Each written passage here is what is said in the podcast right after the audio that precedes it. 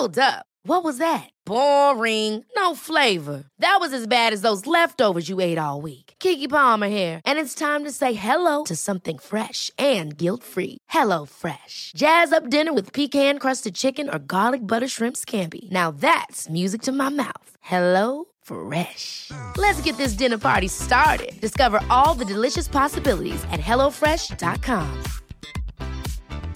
There's never been a faster or easier way to start your weight loss journey than with PlushCare.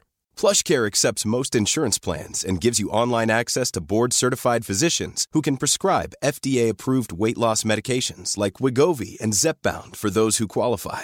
Take charge of your health and speak with a board-certified physician about a weight loss plan that's right for you. Get started today at plushcare.com slash weight loss. That's plushcare.com slash weight loss. plushcare.com slash weight loss. Quality sleep is essential. That's why the Sleep Number Smart Bed is designed for your ever evolving sleep needs. Need a bed that's firmer or softer on either side? Helps you sleep at a comfortable temperature? Sleep Number Smart Beds let you individualize your comfort so you sleep better together. JD Power ranks Sleep Number number 1 in customer satisfaction with mattresses purchased in-store. And now, save 50% on the Sleep Number limited edition Smart Bed for a limited time. For JD Power 2023 award information, visit jdpower.com/awards. Only at a Sleep Number store or sleepnumber.com.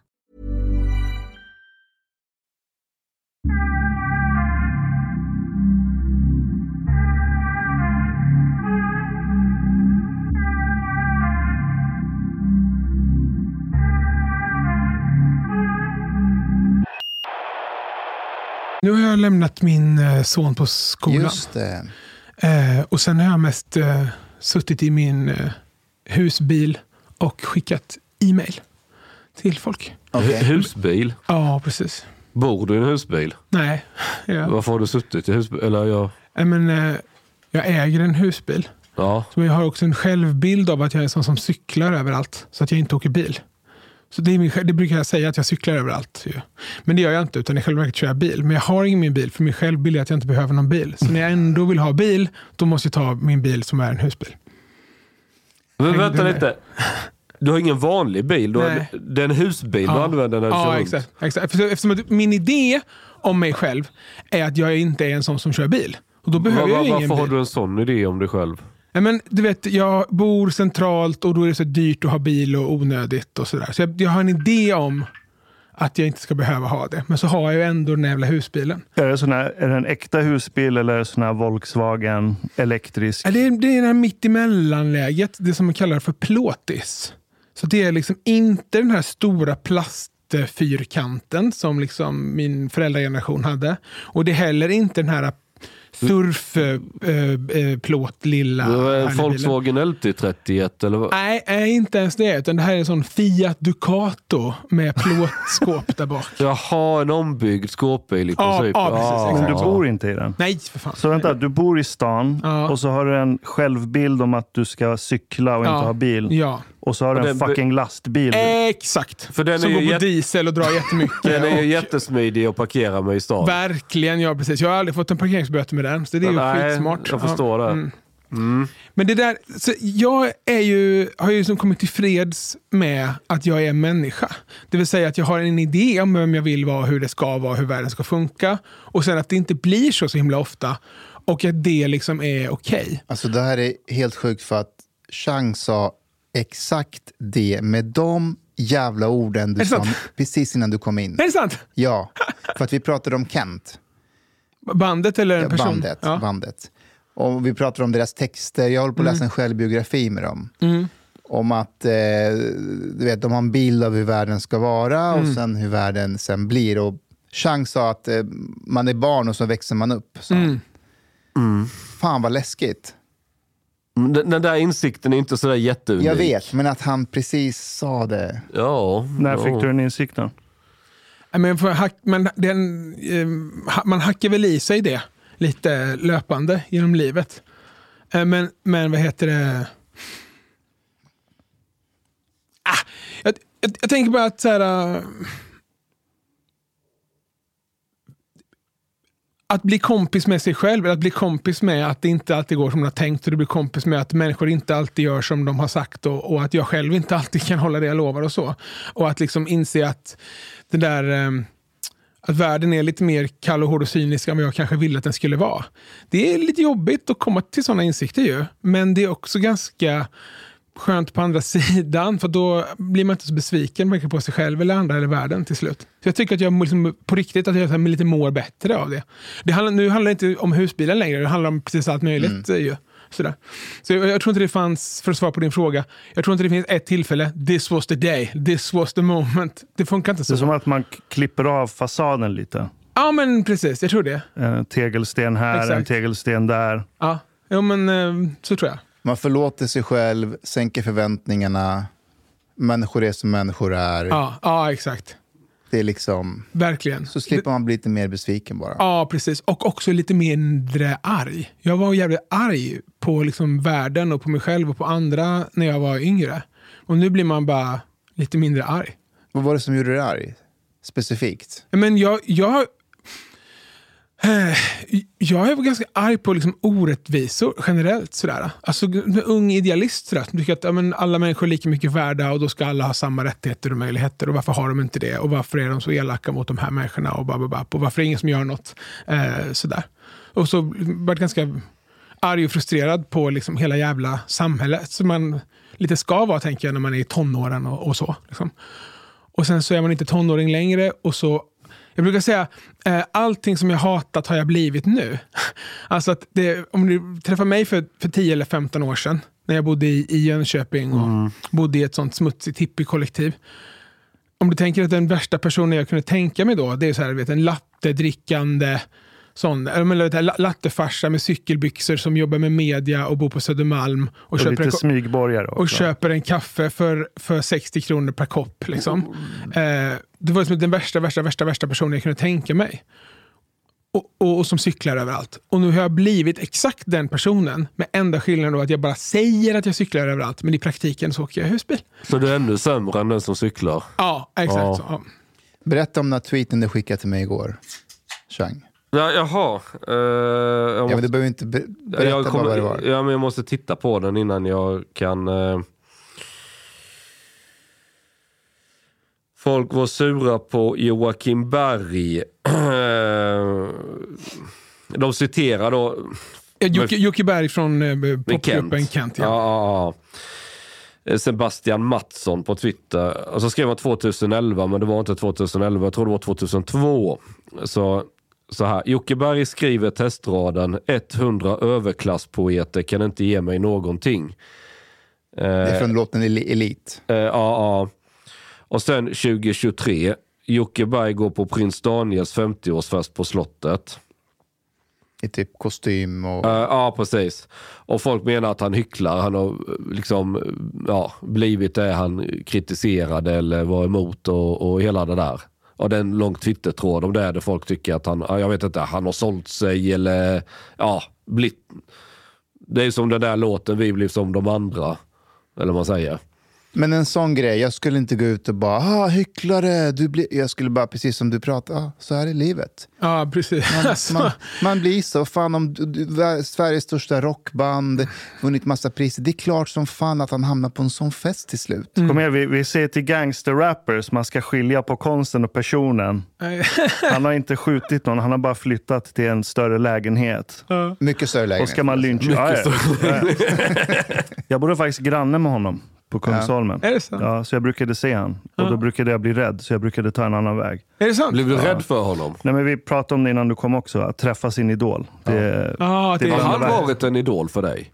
Jag har lyssnat på honom sedan jag var 12, 13. Don't meet your heroes. Ja. ja. Jag sprang på honom på ostbutiken på Kungsholmen. Och blev helt så här, frös till is och blev starstruck. Mm. Och min tjej bara, ska inte du gå fram och prata? Är du dum i huvudet eller? Ska jag gå fram och prata med honom? Mm. Inte prata med honom. Jag, jag, jag var, det här kommer jag ihåg dagen då jag liksom blev rappare. Jag kommer ihåg precis vilken dag det var. Alltså mm. sådär, året är 1998, jag är 14 år gammal och söker min identitet med ljus och fucking lykta. Liksom. Kommer hem efter skolan. Eh, och sätter på MTV eller om det var ZTV och så är liksom rapparen Petter där och rappar den här Vinden har vänt-låten. Och jag har aldrig hört något sånt. Liksom. Jag, jag bara, okej, okay, What is this and how do I make my life about it? Eller sådär. Du vet. Och jag hade 56k modem och laddade hem den här låten, men det gick så sakta. Eh, så man laddade, hem, så man laddade hem de första 10 sekunderna av låten och då kunde man lyssna på dem. Ah. Och sen man lyssnade 10, då var det 11 sekunder och sen var det 15 sekunder. Ah. Och så det var 5 kilobyte låten, i sekunden. Exakt. Så att, så att när låten till, till, slut var hemladdad, då hade jag liksom lyssnat på den på repeat hela vägen. Så jag kunde hela låten utan till den dagen. Jag ville bli som Petter. Det var liksom meningen med mitt liv att bli det från den stunden. Så sen när jag träffade, när Petter var på turné och han kom till Jönköping där jag bodde då och Huskvarna Folkets Park. Och jag eh, var i tonåren då så jag försökte verkligen så här, du vet, bara få prata med honom i några sekunder. Och då var han så jävla full.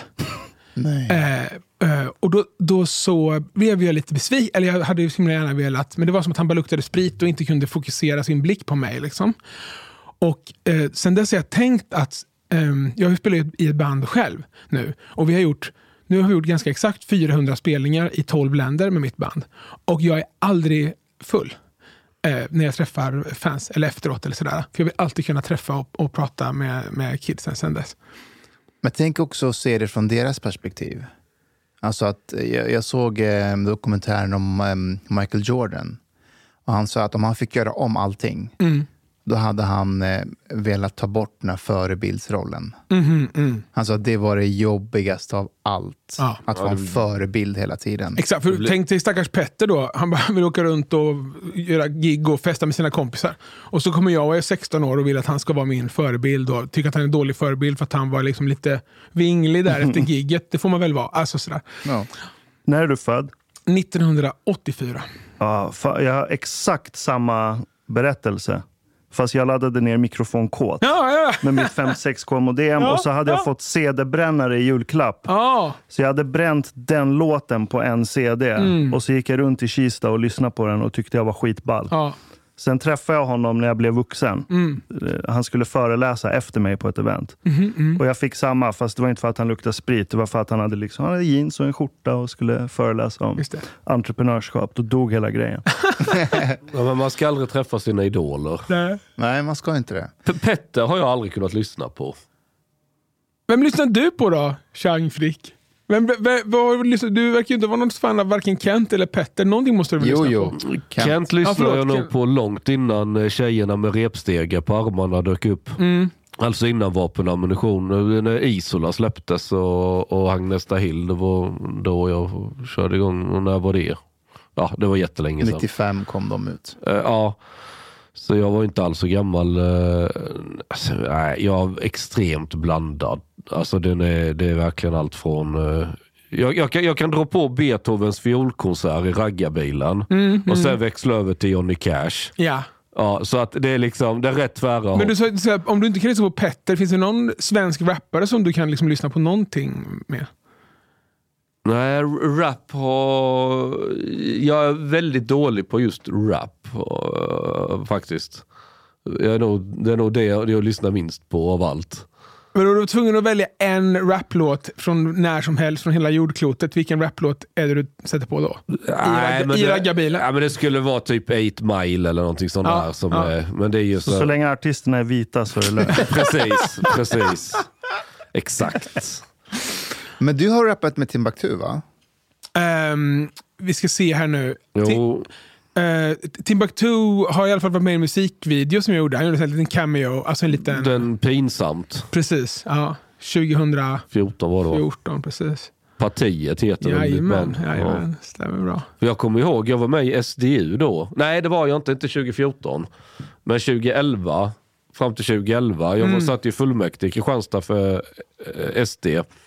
Jag varit distriktsordförande för SDU, men då var det 2010, 2011. Jag kommer ihåg det här promo och partiet och den här musiken. Det var liksom, det var soundtracket för AFA. Det var ungefär så ja. man såg det. Ja, ja, visst. Ja, Så, så jag, jag, sa det innan du kom. Här sitter här. vi. Ja, jag sa att det, det var en lite rolig vändning. Tio, tio år senare. Så här, mannen i den vita hatten 16 år senare, fast det blev 10 år senare mm. istället.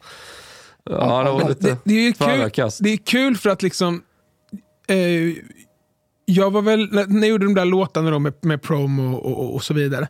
Det är klart att man var hatad av eh, högern och extremhögern och SD-högern och alla de där. Jag vet inte om ni men, var hatade, det vet jag inte vad jag nej, ska men, säga. Vi hade ju inga kompisar där om jag säger nej, så. Nej, men, nej. Men, men, men, det som var så roligt var att jag, jag har heller aldrig haft några AFA-kompisar. De har också sett ner på mig, du vet, för att jag är lite entreprenöriell och ja, ja, har en turnébuss och eh, du vet, så här, fakturerar och så. Oh, oh, oh. Så, att, så att jag har liksom aldrig riktigt haft några polare.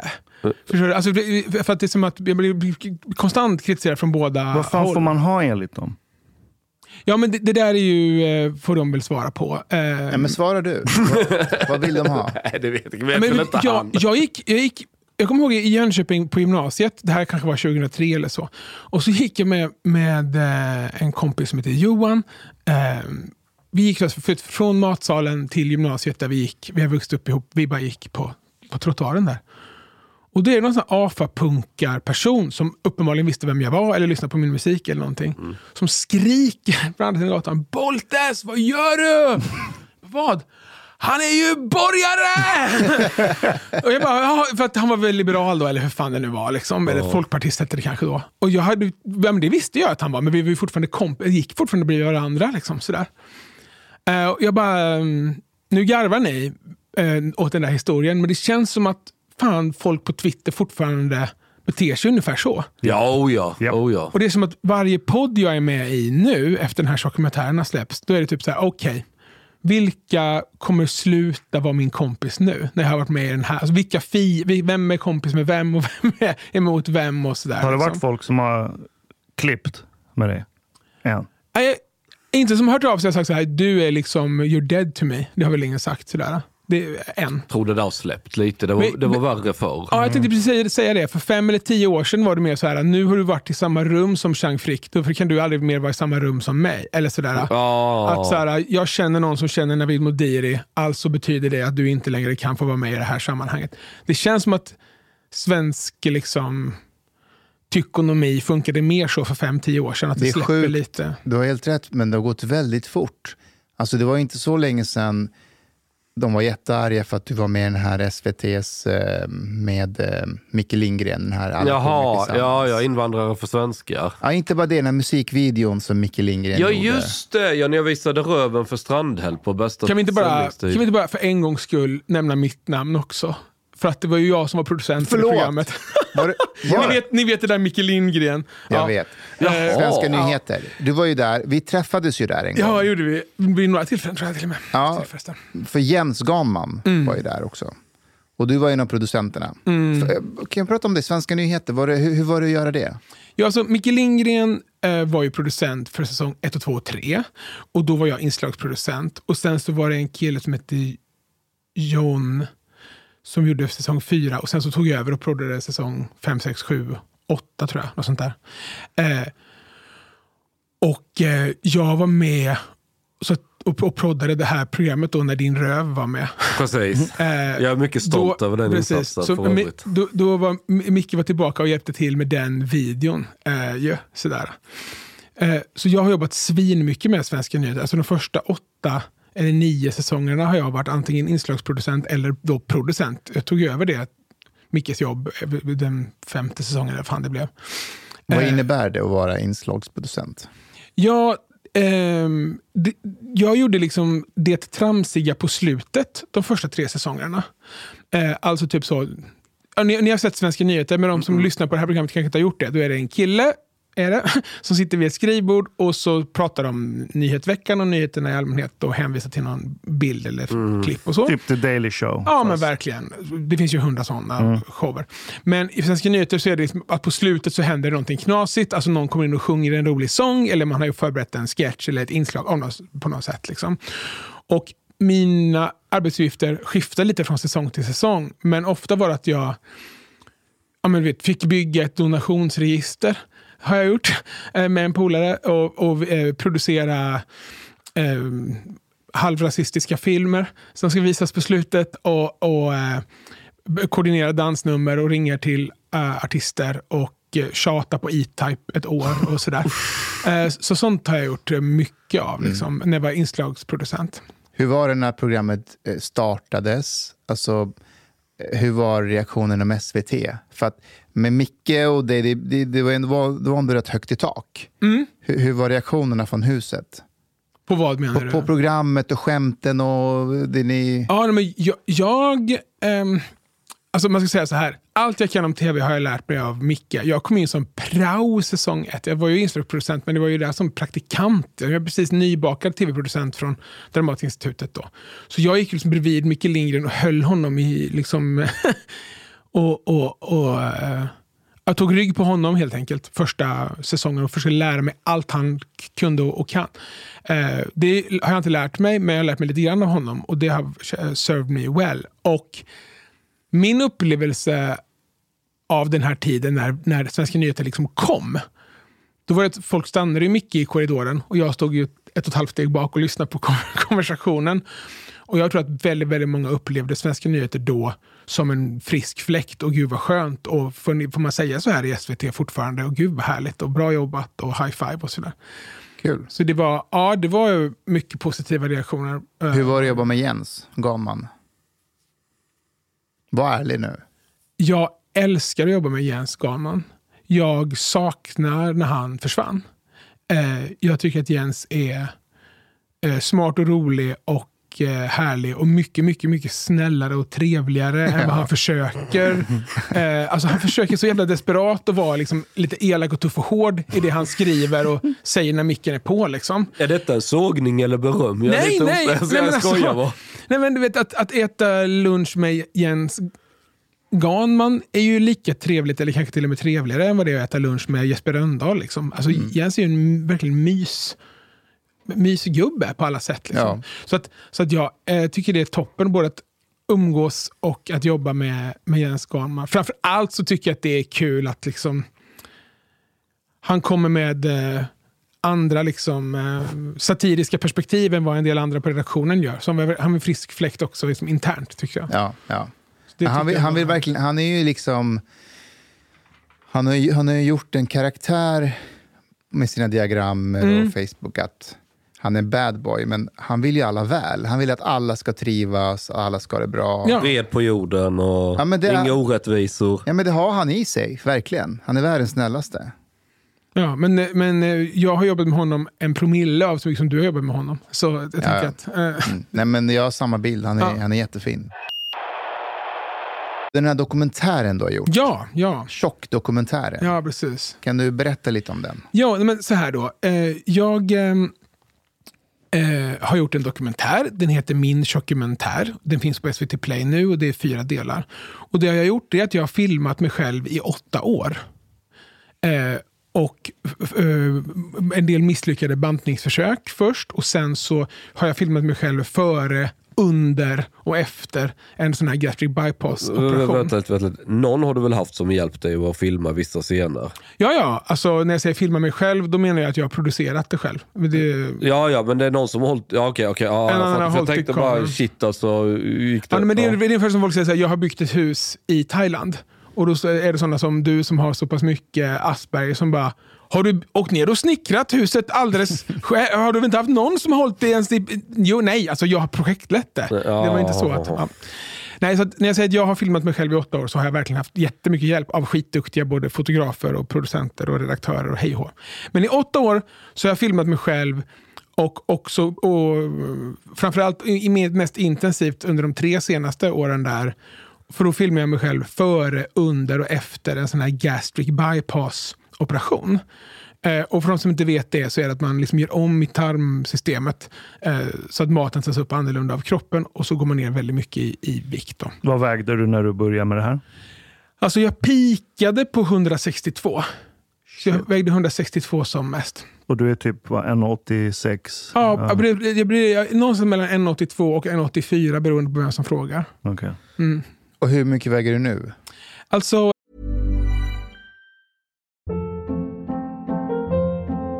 Hold up. What was that? Boring. No flavor. That was as bad as those leftovers you ate all week. Kiki Palmer here, and it's time to say hello to something fresh and guilt-free. Hello Fresh. Jazz up dinner with pecan-crusted chicken or garlic butter shrimp scampi. Now that's music to my mouth. Hello Fresh. Let's get this dinner party started. Discover all the delicious possibilities at hellofresh.com. Hey, it's Ryan Reynolds, and I'm here with Keith, co star of my upcoming film, If, only in theaters, May 17th. Do you want to tell people the big news? All right, I'll do it. Sign up now and you'll get unlimited for $15 a month in six months of Paramount Plus Essential Plan on us. Mintmobile.com slash switch. Upfront payment of $45 equivalent to $15 per month. Unlimited over 40 gigabytes per month. Face lower speeds. Videos at 480p. Active Mint customers by 531.24 get six months of Paramount Plus Essential Plan. Auto renews after six months. Offer ends May 31st, 2024. Separate Paramount Plus registration required. Terms and conditions apply if rated PG. Eh, 97 kanske? Jag väger mig inte så ofta längre. Men, ja, men så att jag var nere, alltså, jag, om jag får spoiler alert då. Det, den här um, dokumentären är ju i fyra delar. Och i slutet på avsnitt tre så är det att jag håller på att stryka med av en annan. Jag fick så jävla mycket hud som hängde ner. Ni vet. Så jag var tvungen att klippa bort den också. Och den operationen gick inte som det var tänkt riktigt. Så då höll jag fan på att stryka med alltså. Vad var det som hände? Det eh, får man ju gå in på svtplay.se och eh, titta på min dokumentär. Men man kan väl säga så att efter den eh, operationen, då var jag jävla klen och då vägde jag väl 92. Alltså då, ska jag, så då brukar jag säga att jag gick ner 70 kilo i vikt.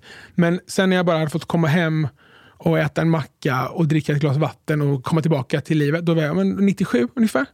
Så att 65-70 kilo beroende på hur man räknar har jag gått ner. De, de där pizzorna på den där jättehemliga pizzerian i Jönköping. ja, ja. Har du gått tillbaka dit någon gång igen? Ja, det gör jag också i avsnitt fyra. Av okay. min dokumentär. Ja, precis. Smakar det lika gott fortfarande? Ja, det gör det.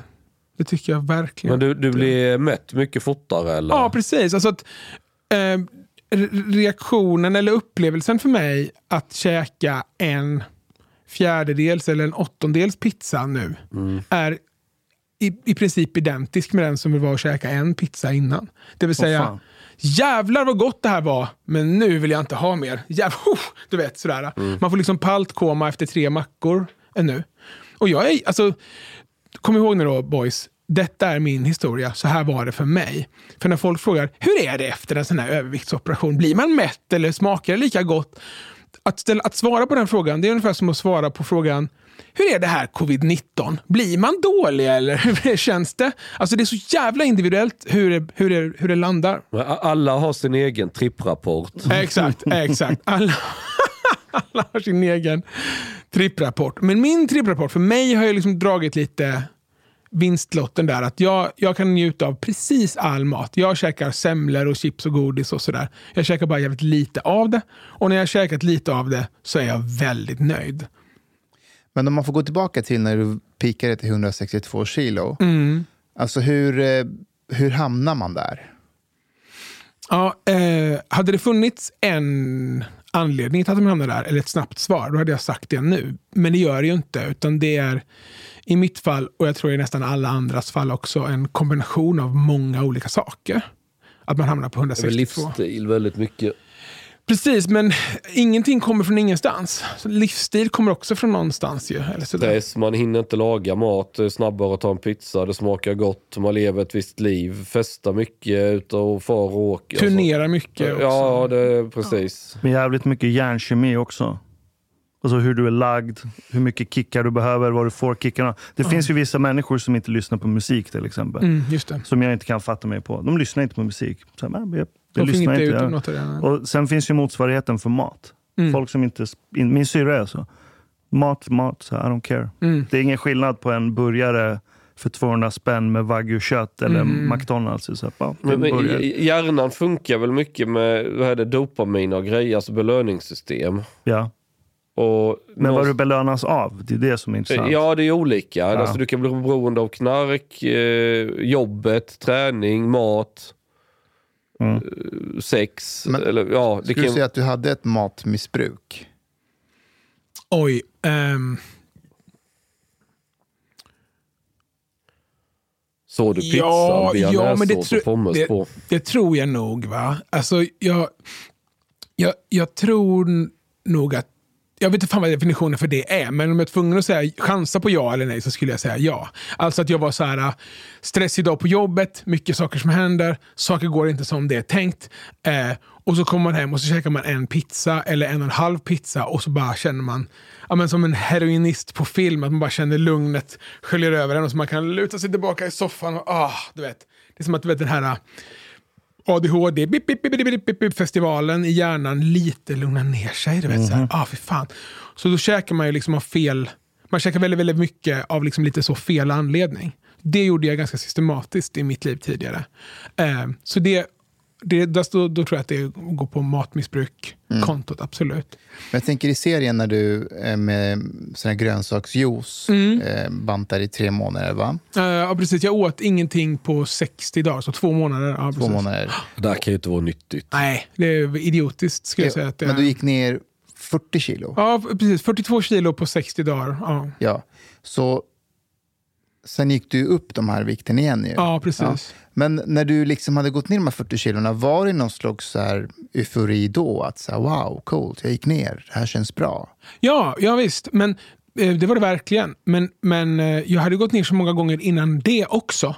Alltså den där 42 kilos nedgång, viktnedgången, det var inte min första bantning. Jag har ju bantat hela livet. Jag har gått ner 20 kilo någon gång och 17 kilo någon gång och sådär. Så att den där att gå ner väldigt, väldigt mycket i vikt och fan vad nu har jag lyckats känslan.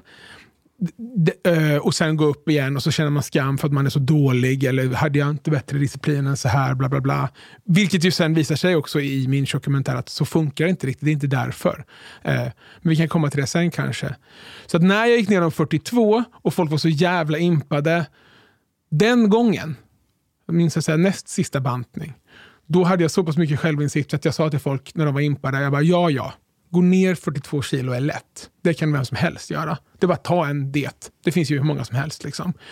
Det är ganska lätt. Det svåra är sen om vi kan, om vi kan hålla detta någorlunda. Så att ge mig en high five om jag lyckas hålla den här vikten ett år. Då vill jag ha en high five, men inte nu. För det här var, det här var liksom den lätta delen. Eh, och jag lyckades inte hålla det där för fem öre. Jag gick upp alla de där 42 kilona och lite därtill. Liksom. Men jag tänker, hur går det till psykologiskt? För att du har gått ner 40 kilo. Mm. Och så märker du att fan, nu har jag gått upp 5 kilo. Mm. Shit, nu har jag gått upp 8 kilo. Mm. Nu har jag gått upp 15 kilo. Alltså, mm. Vad är det som gör att man inte sätter stopp där? Jättebra fråga. Jätte, jätte, jättebra fråga. Och nu ska du få ett eh, svar som jag tänker är egentligen det viktigaste att komma ihåg från hela jävla dokumentären. Då, om man tänker faktamässigt. För det är så att ny forskning, ny forskning, inte gammal forskning, ny visar att så här, det har inte med disciplin att göra. Om man går ner 40 kilo, mår mycket bättre, har lättare att göra saker och får på sig sina gamla kläder och kan bära sin unge och så. Och så går man upp 5 eller 15 kilo. Då är det så att kroppen, har den en gång vägt sådär asmycket, så kommer kroppen att göra allt, verkligen allt, för att väga det igen. Liksom. Och det kan man inte med eh, psykologi eller med liksom pannben stå emot. Det är liksom som att försöka hålla andan eller att försöka eh, inte jag, eh, springa och inte sluta springa. Förstår du? Man kommer vara tvungen att ta ett andetag, man kommer vara tvungen att sluta springa förr eller senare. Så att, ja, när jag hade gått upp så hade jag gått ner 40 kilo och gått upp 10 av dem igen och tänkt helvete, jag har gått upp 10 kilo. Jag måste skärpa mig. Liksom. Och så försöker man skärpa sig, skärpa sig, skärpa sig. Men det som att kroppen den bara skriker ät mer mat. Man kan inte gå hungrig hur länge som helst. Det går liksom inte. Men om du, alltså, även om man håller sig till en diet eller livsstil där mm. du får i dig bra med protein, bra med kolhydrater, du tränar. Menar du att kroppen är fortfarande så här, nej men ta fyra Snickers? Ja, ja, ja, ja. verkligen. Ja. Och också, eh, om, det, det absurda är också att om om, säg att du väger 90 kilo och jag väger 90 kilo. Jag har en gång vägt 140 kilo, men det har inte du. Då är att, dels, så om du käkar fyra Snickers så kan du, nu jävlar blir jag illamående, jag vill inte ha mer, känner du. Men inte bara kommer min kropp säga ät fyra till när jag har käkat fyra på ett, sitt, ett sätt som din kropp inte kommer göra. Så det är en skillnad. Men det finns en skillnad till och det är att energin i de fyra snickersarna som du har käkat och som jag har käkat. Min kropp kommer ta åt sig mer av den energin än vad din gör. För min kropp gör verkligen allt eh, för att gå upp den här vikten igen. Och man kommer göra det. 90-95% gör ju det. Man går upp allting igen. 100% av de som varit med i Biggest Loser och vunnit det i USA har ju gått upp all sin vikt igen. Just för att den här bantning som man trodde det funkar inte som man trodde att det funkar. Det finns fortfarande folk som tänker så här, kalorin, kalori ut, håll kalorierna så är det fine. Precis, men det men, men sen missar man den här karaktären ni vet, som är pinsmal och äter sju pizzor om dagen mm. och aldrig blir fet. Men de mår väl oftast inte så bra inuti? Okej, okay, inte sju pizzor. Men folk som är, jag äter lika mycket som min tjej. Mm. Vi äter lika mycket. Ja, ja. Jag har extra hull på kroppen. Ja, jag måste äta mindre, för jag har vägt mycket mer förut. Jag måste äta mindre än Visst. standard för att kunna ha enligt landstinget, eller vad fan som bestämmer, normalvikt. ja.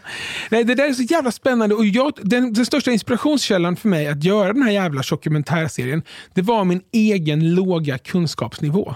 Jag hade jätte, trodde jag, bra och aktuell kunskap i om hur övervikt och obesitas, hur det faktiskt funkar. Men ju mer jag lärde mig om hur obesitas funkar och hur överviktskirurgi funkar, då tänkte jag om jag har så jävla dålig koll då måste det finnas mer människor där ute som också har dålig koll och därför borde man göra tv på det. Och det var tänkt att det skulle bli ett inslag i Svenska nyheter först. Jag tänkte det här kan jag berätta på tio minuter i Svenska nyheter som är huvudämne. Men sen insåg jag ganska snabbt att fan, den här historien den kommer hålla för mer. Det kommer vara mer än ett eh, inslag på tio minuter. Så jag bokstavligt talat gick upp för trappan från SVT Nöje där jag satt upp till dokumentär, sparkade in dörren och sa hej, jag har en idé till en dokumentär. Ge mig pengar så gör vi en dokumentärserie. Jag vill fråga, jag, jag, jag fattar att det är komplicerat, alltså som, som ni båda beskriver. Att det, det är inte bara kalori in och kalori ut. Och det kommer ny forskning som visar att det, det, det, liksom, det är svårt, det är saker man inte visste. Mm. Eh, tror inte ni, alltså båda, att det blir att det blir liksom en risk att de som observerar någon gå upp i vikt, mm. eller någon som har problem med vikten, att, att de som observerar tänker så här, fan vad komplicerat det här är, vad svårt det här är. Jag har stor respekt för den här processen.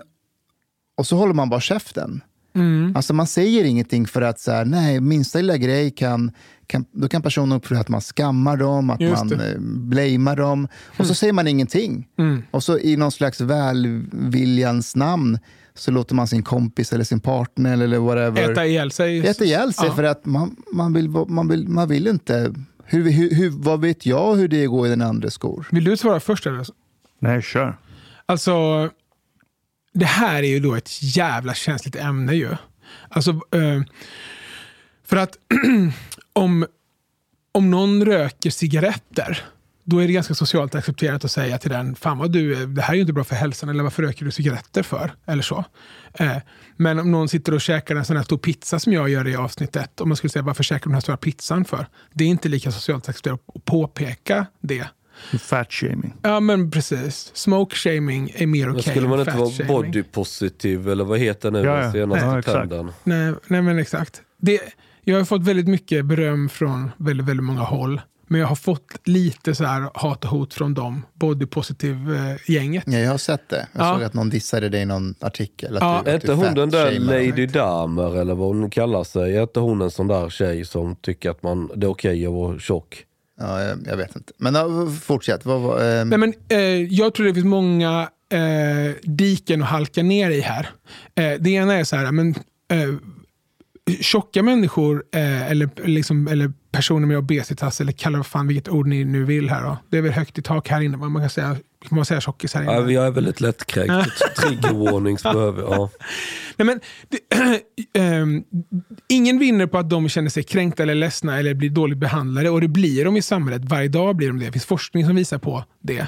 Att äh, människor med svår övervikt blir äh, orättvist behandlade på arbetsmarknaden och i sociala sammanhang och, och, och, så. Och det är asdåligt att det är så.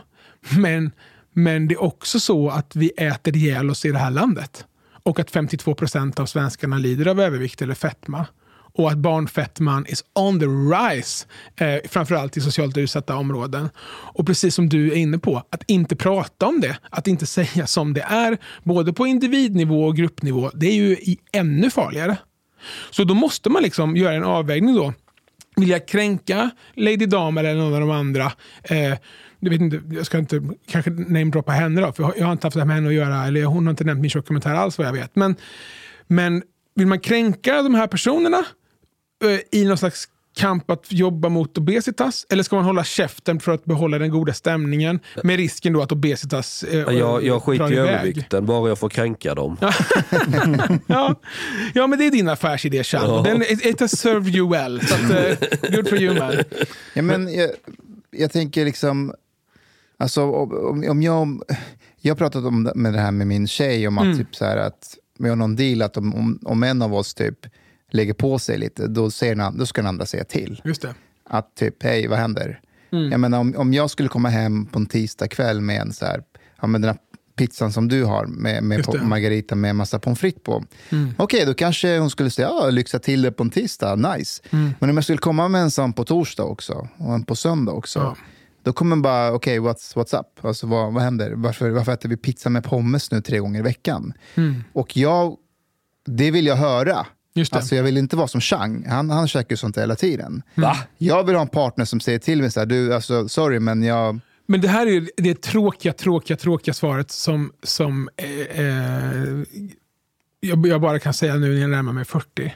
Alltså att så där är det väl med allt, så det är väl med starköl också, eller med liksom allt möjligt. Att så här, men du, tar en öl på fredagen och, eller, och blir jättefull två gånger om året så, så säger väl din tjej kul för dig. Men om du blir jättefull en gång i veckan så drar man i nödbromsen. Liksom. Och det tänker jag ha med, det spelar väl ingen roll om man håller på med att spela bort sina pengar på kasino eller om man dricker sprit eller om man röker marijuana när man är utomlands. Eller om man liksom äter När man är utomlands. Eh, eh, eller om man liksom äter kebabpizza med pommes och sås. Allt det där går ju alldeles utmärkt om man gör det i, i vanliga mängder. Liksom. Men om man gör det i stora mängder så, så blir det uh, jävligt dåligt för en. Men, men man får också komma ihåg att så här, jag är all for att om man väger 120 kilo eller 130 kilo och bara älskar sitt liv och tycker att det är toppen. Då tycker jag att man verkligen, verkligen uppmuntrar folk att fortsätta göra det då. Uh, det är väl alldeles utmärkt om man vill vara överviktig och må bra och äta bearnaisesås och bara ha det toppen. Liksom. Det, kan, ja, men det kommer slita på den personens knän. Ja, det kommer det göra. Men det, det gör det om man är snickare med. Ja, men förstår du, det är det som är livet, att vi sliter ut de här kropparna på det vi tycker är kul. Liksom. Men om man har problem, alltså man lider av sin eh, obesitas och tycker att det är en sjukdom, att det gör ens liv sämre och inte bättre, då finns det hjälp att få. Och då menar jag att båda de där grupperna ska man liksom försöka tillfredsställa och respektera samtidigt. Och jag säger inte att det är lätt, jag säger att det är svårt. Eh, och jag tänker att min dokumentär kränkte visserligen mycket färre personer än vad jag trodde att den skulle göra. Men den kränkte några stycken. Men den har också hjälpt tusentals. Mm. Det vet mm. jag, för de har skrivit till mig i min jävla inbox. Men kolla, man, man behöver inte gå... Om någon är jättetjock, man behöver inte gå och skrika fett i ansiktet på den. Nej, det är klart inte. Men, det men behöver ju inte, men... Du behöver kanske. Men, men, men om man kan men, sälja ett kärnkraftsavtal till, om man gör det, då kan man försöka hitta ett sätt. Det är så vi jobbar. Nej, men det räcker att man påpekar att det här kanske är farligt eller whatever och det räcker för att kränka folk. Ja. Eh, men, men så här, kan man väga 160 kilo och vara 1,80 och må bra på riktigt? Det är en hypotetisk fråga. Alltså, eh, de bärande lederna mår inte bra då. Punkt slut. Sen så kan man ju vara så här, det finns ju de som är överviktiga för att de kanske käkar en medicin mot en annan sjukdom och den medicinen gör att din ämnesomsättning blir si eller så. Det finns de som bara, du vet, jag kanske självmedicinerar någonting som gör att man blir sugen på massa mat. Jag bara spekulerar. Utomlands kanske? Ja. men, men, eh, så, så jag, jag, tror man ska passa sig för att, att dra några, säga några absoluta sanningar. För det finns alltid några undantag, tror jag. Okej, okay, men det finns alltid några undantag till allting hela ja, tiden. Såklart. Man måste någonstans säga hur det faktiskt, de flesta går inte på mediciner som gör att de blir tjocka. Mm. Och nej, man mår inte bra. Sömnen påverkas, du, din, din, din avföring påverkas. Du kan inte sitta på toaletten. Mm. Alltså, dina nära och kära blir medberoende av din, din, dina problem och ät, för de måste mm. hämta mat och sånt där till dig. Alltså, man måste väl kunna säga det för att för, för att det är sant. Ja, men bara jag som blir lite hungrig när vi pratar. Nej, jag ska... Alla gillar olika. Jo, men det, det är det som är grejen. Va? Och, men, men säger du det till fel person så kommer den personen bli kränkt. Och då menar jag på att så här, det där är en avvägning som man får göra, inte bara som partner, eller kompis eller kollega, utan det måste man också göra som samhälle och som läkare och som public service. Vad vågar vi säga här? Vad kostar det? Vem kommer bli ledsen? Liksom? Eh, och, och, och det där är inte svinlätt alltså. Men när, när kom det där in i bilden att man bryr sig vem som blir kränkt? Om du kollar på tv-program på 90-talet, 80-talet, man sket ju fullständigt fan. Man ville ju ha debatt om någon skulle bli kränkt och gå igång och allting, för då blir det ju liksom Sen har det plötsligt blivit det här, åh nu ska vi göra någonting, och nej kanske någon inte... Mm. Uh, uh, uh, då kan man ju lägga ner allt med media. Alltså, du kan ju inte hålla på med humor eller politisk debatt eller någonting om man ska ta hänsyn till det. Det, det, det är sån här, jag vet inte, det, det stör mig hela tiden. När du säger så här, ehm, det är jättesvårt, hur ska man göra, man vill inte kränka någon, det är fallgropar. Okej, då tänker jag spontant. Vad gör vi svenskar när det blir svårt? När man inte vill falla i en grop, när det blir obekvämt. Vad gör vi då? Tänker vi, då tar vi oss an den här utmaningen eller backar vi undan och undviker problemet helt och hållet? Vi undviker problemet. Så jag, jag är ledsen, men jag, jag har svårt att köpa det här att så, ja, men det är svårt i en balansgång, men hur ska man göra? För att nej, vi har inte den kulturen i Sverige att vi tar oss an det. Vi backar undan. Och som du säger, vi eh, fetma på uprising, vi har barn som äter dåligt.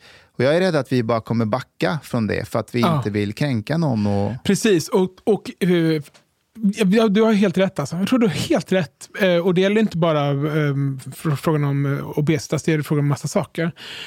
men om vi ska göra det ännu mer känsligt så är det så här, men Obesitas är känsligt att prata om. Barn obesitas ännu mer känsligt att Absolut. prata om. Och Eh, jag tror hon säger det också, en av läkarna som är med i min dokumentär. Ni vet min dokumentärserie som finns på SVT Play. Eh, ja, du inte, vad sa jo, men, hon säger att så här, men där ser man de socioekonomiska faktorerna och särskilt utsatta områden som liksom den stora, stora, stora faktorn. Då blir alltså, det dubbelkränkning. Vems barn är det som blir feta? Ja. Liksom? Uh, och, och, och, bara, jag bara ställer den frågan, vems barn är det som blir feta? Det är en ja, känslig fråga att ställa. Ja. Fat-shaming då? Exakt, så då, spelar, då, får, då får man kryss i båda de rutorna. Ja. Man blir både rasist och fatshamare på en gång. När man bara får ställa frågan, vems barn är det som blir feta och varför då? Liksom. Ja, jag ser mer och mer att det är någon en karriär för mig här.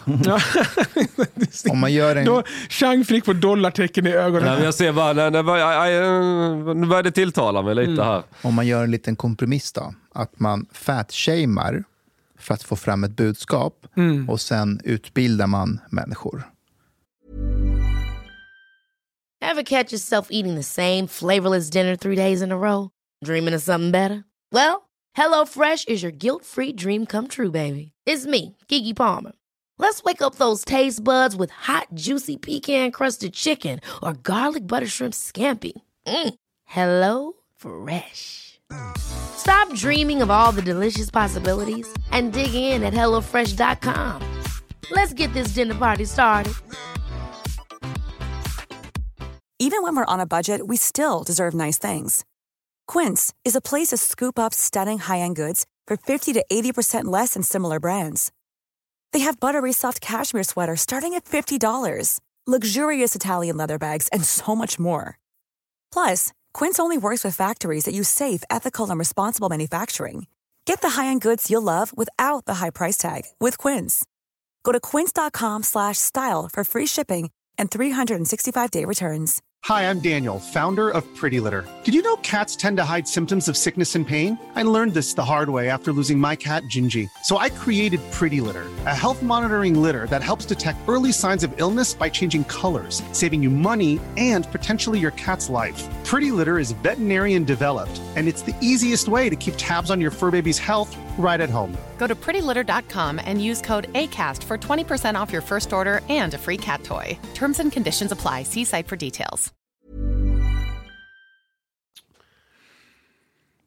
Alltså, jag, jag tror att det finns inga... Hade det funnits enkla svar Nej, det på detta. Man gör bara så här i den här ordningen. Nej. Hade det funnits enkla svar då hade vi dratt dem senare.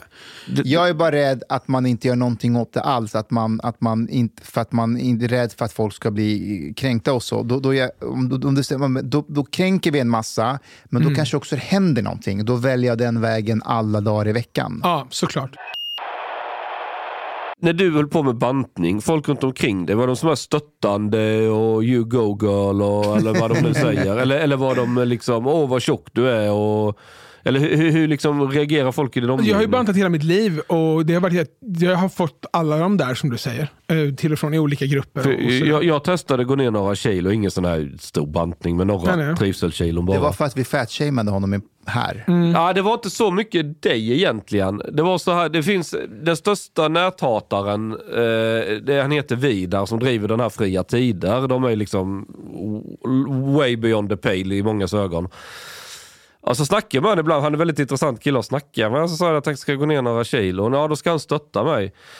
Då håller han på varje gång när han ringer. Ja, du kan inte låta bli snaskigt din jävla tjockis. Fy fan, du sitter där med dina korvfingrar och bara snaskar i dig. Jag vet, du kommer misslyckas med den jävla sopa. Och bara håller på sådär hela tiden. Bara för att jag ska bli förbannad då, du vet. Ja, funkar det då? Nej, jag vet inte. Jag, jag, jag, alltså, så- jag läser ju honom, jag fattar liksom. Men jag tänkte på det att han kallade ju sin högerextrema bantningskur. Och det var ju det här att verkligen radikalt dra ner kaloriintag och sen ska man näthatas till, eller du vet, så här, till att hålla sig där.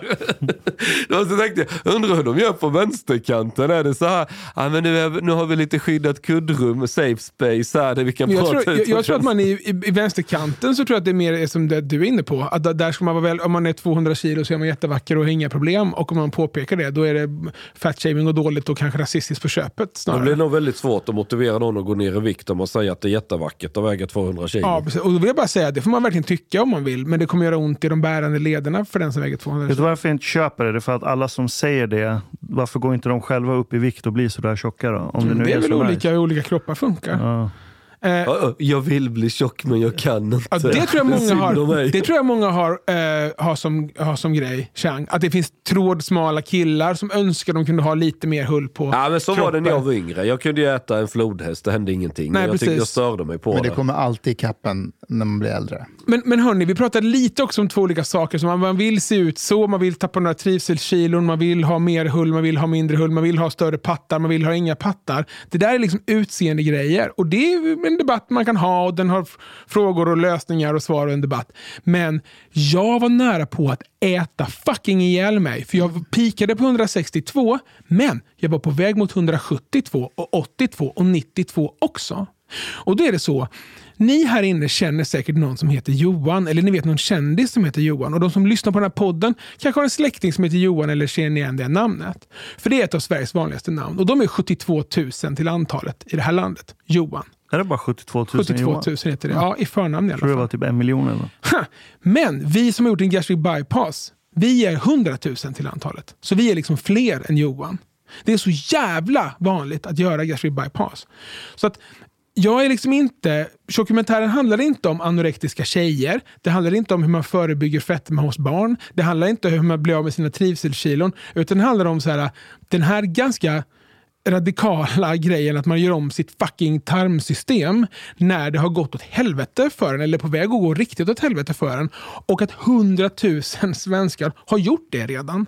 Och en sak som nästan alla har gemensamt som har gjort det, det är att de är kvinnor. De flesta som lider av obesitas är alltså män. 52 procent har jag läst någonstans är män och 48 procent är kvinnor. Så det är en pytteliten eh, övervikt, no pun intended, för män alltså som lider av sjukdomen obesitas.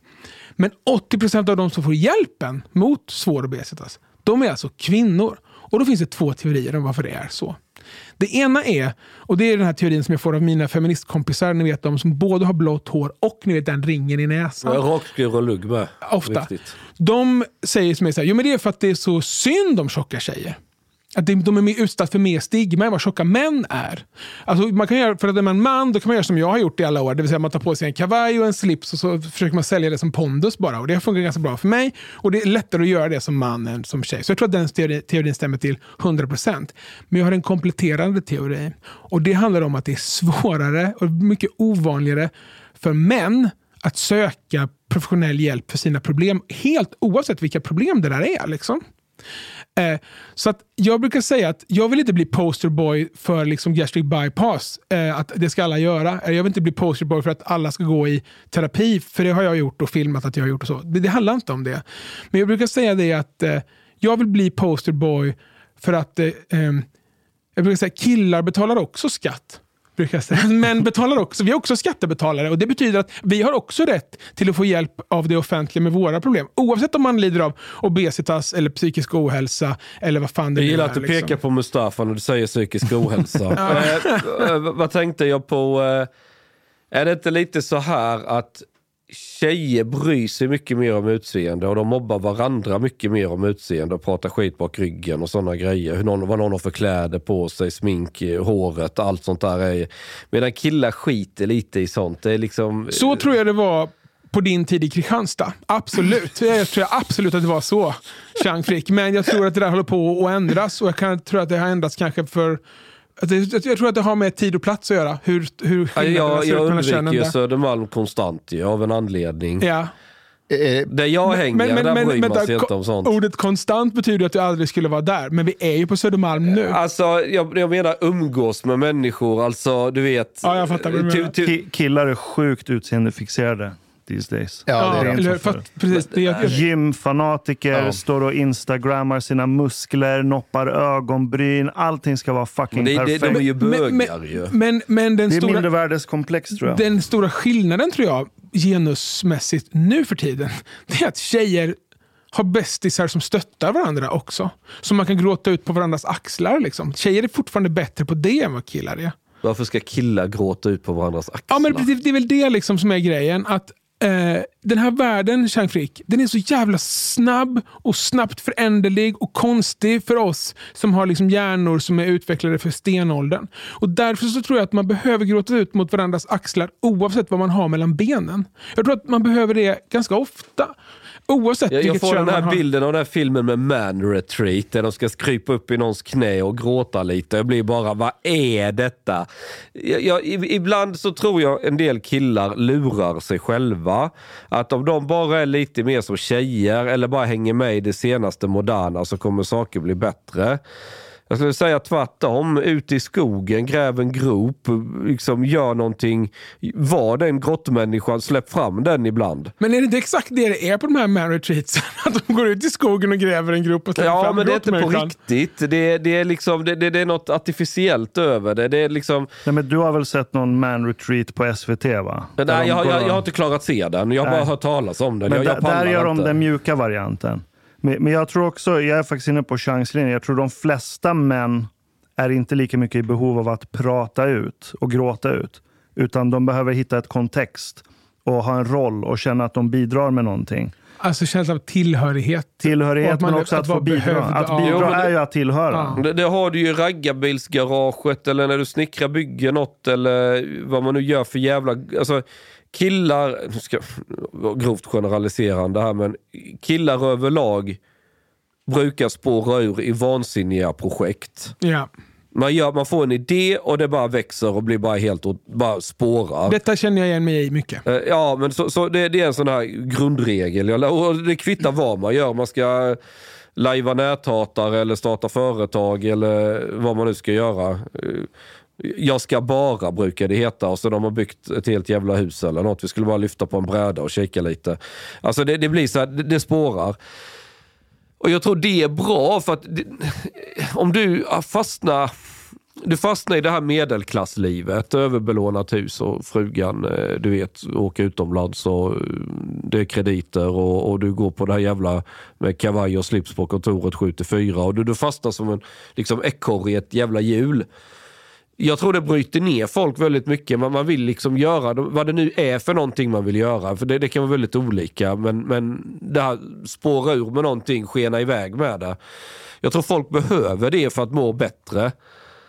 Det, det blir annars, annars... Tjejer är väldigt mycket socialt orienterade.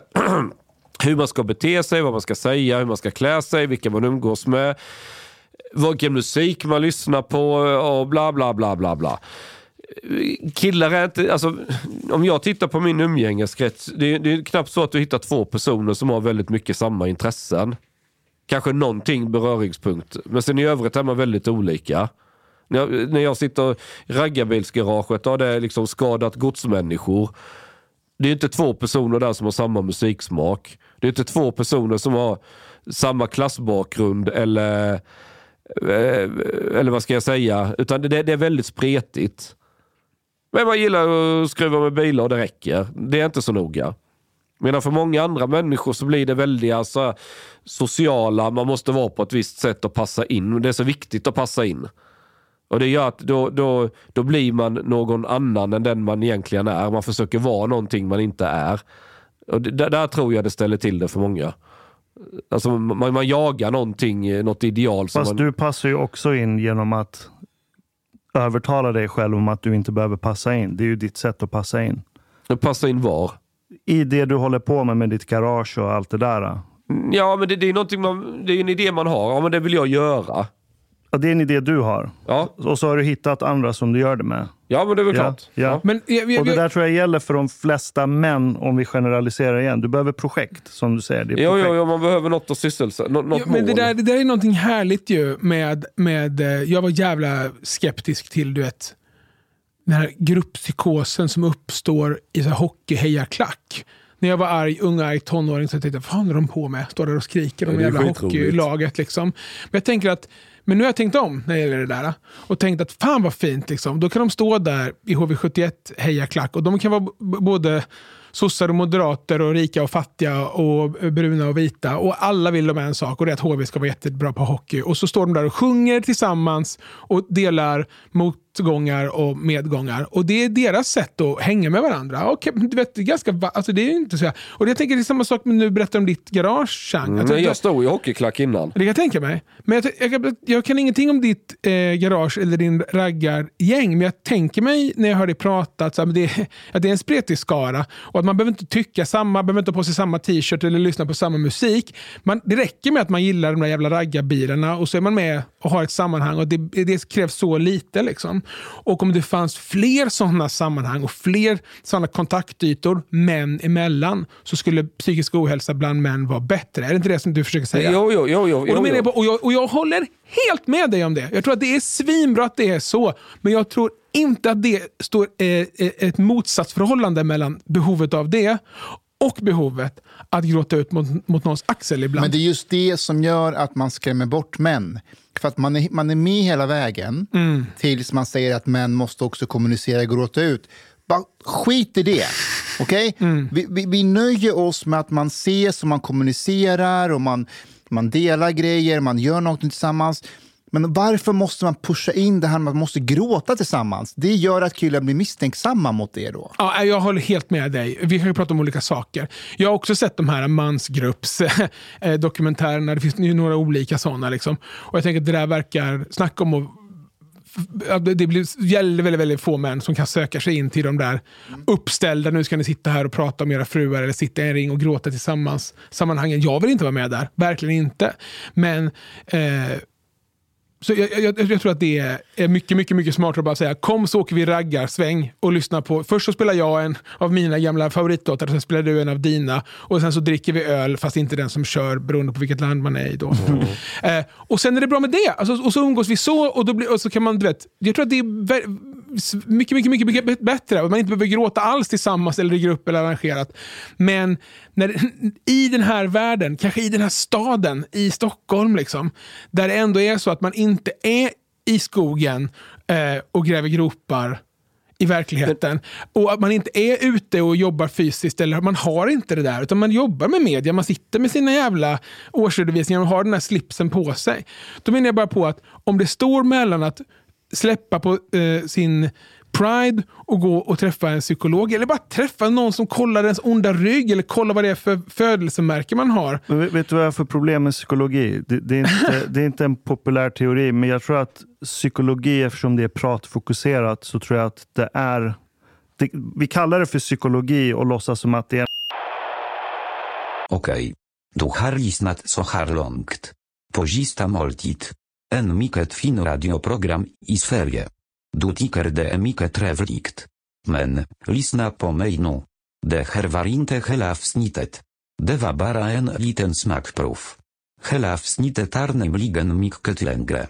Om du vill lyssna på alla hela avsnitten, då du måste betala biljett på klubbzista måltid. De har grabbarna de behöver pengar. Flis. Lax. Stolar. För att betala räkningar. Shoppa blodpudding till familjen. Oka tunnelbana. Eller dricka en kall norlands guld på uteservering ibland. Les i beskrivning för avsnitt, där det finns information för att bli medlem på klubbzista måltid. Det kostar som ett par kaffe latte ute på torget. Per månad. Som ett paket erbjudande, helt enkelt. Lätt som en plätt. Tak, min vän.